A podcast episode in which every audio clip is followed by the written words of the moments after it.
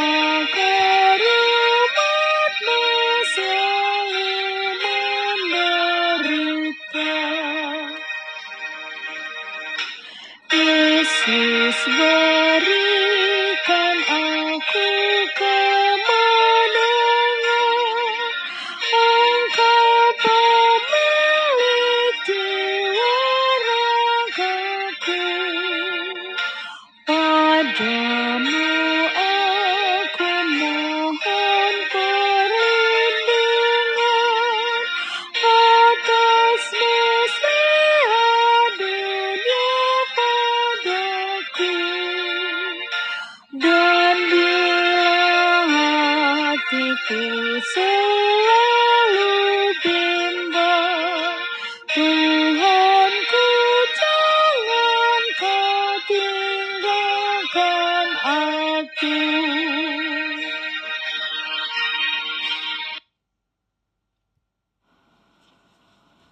Mari kita berdoa. Tuhan, puji-pujian dan ucapan syukur kami naikkan kepadamu di pagi hari ini. Atas kasih setiamu, atas berkat-berkat dan penyertaanmu kepada kami.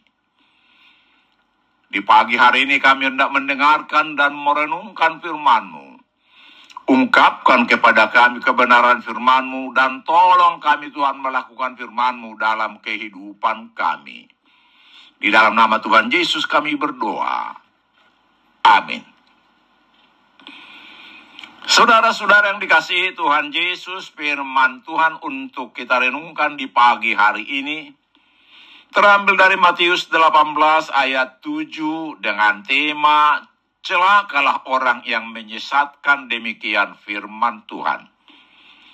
Celakalah dunia dengan segala penyesatannya, memang penyesatan harus ada, tetapi celakalah orang yang mengadakannya. Saudara-saudara yang dikasihi Tuhan Yesus, topik renungan di minggu ke-16 setelah Trinitatis ini adalah Tuhan memulihkan kehidupan umatnya. Pernyataan Tuhan yang akan memulihkan dan senantiasa memelihara umat yang dikasihinya. Nats renungan kita hari ini berada dalam perikop dengan judul Siapa yang menyesatkan orang. Yesus berkata bahwa celakalah setiap orang yang menyesatkan orang lain. Dengan nats ini, Tuhan Yesus mau mengingatkan bahwa orang yang ikut berperan dalam menyesatkan orang lain, terutama anak-anak, akan menerima hukuman berat. Penyesatan berarti membuat perangkap di jalan orang yang akan berjalan agar mereka terperangkap di sana, yaitu menempatkan hal-hal yang dapat menyebabkan orang berbuat dosa di depan orang lain, seperti memutar tontonan yang menimbulkan hasrat jahat, menawarkan narkotika, mengajak main judi atau minum minuman keras yang membuat orang lain tergoda untuk melakukannya sehingga terjerumus ke dalam dosa. Saudara-saudara yang dikasihi Tuhan Yesus, tetapi orang percaya diajak agar berusaha sekuat kemampuan untuk membuang segala sesuatu yang dapat menjadi godaan bagi orang lain untuk berbuat dosa. Bila mata, bahkan di ayat 8 dan 9 dikatakan, Bila mata dan tanganmu membuatmu atau orang lain menjadi tersesat, lebih baik dipotong, diamputasi, dan dicungkil agar tidak lagi menyesatkan.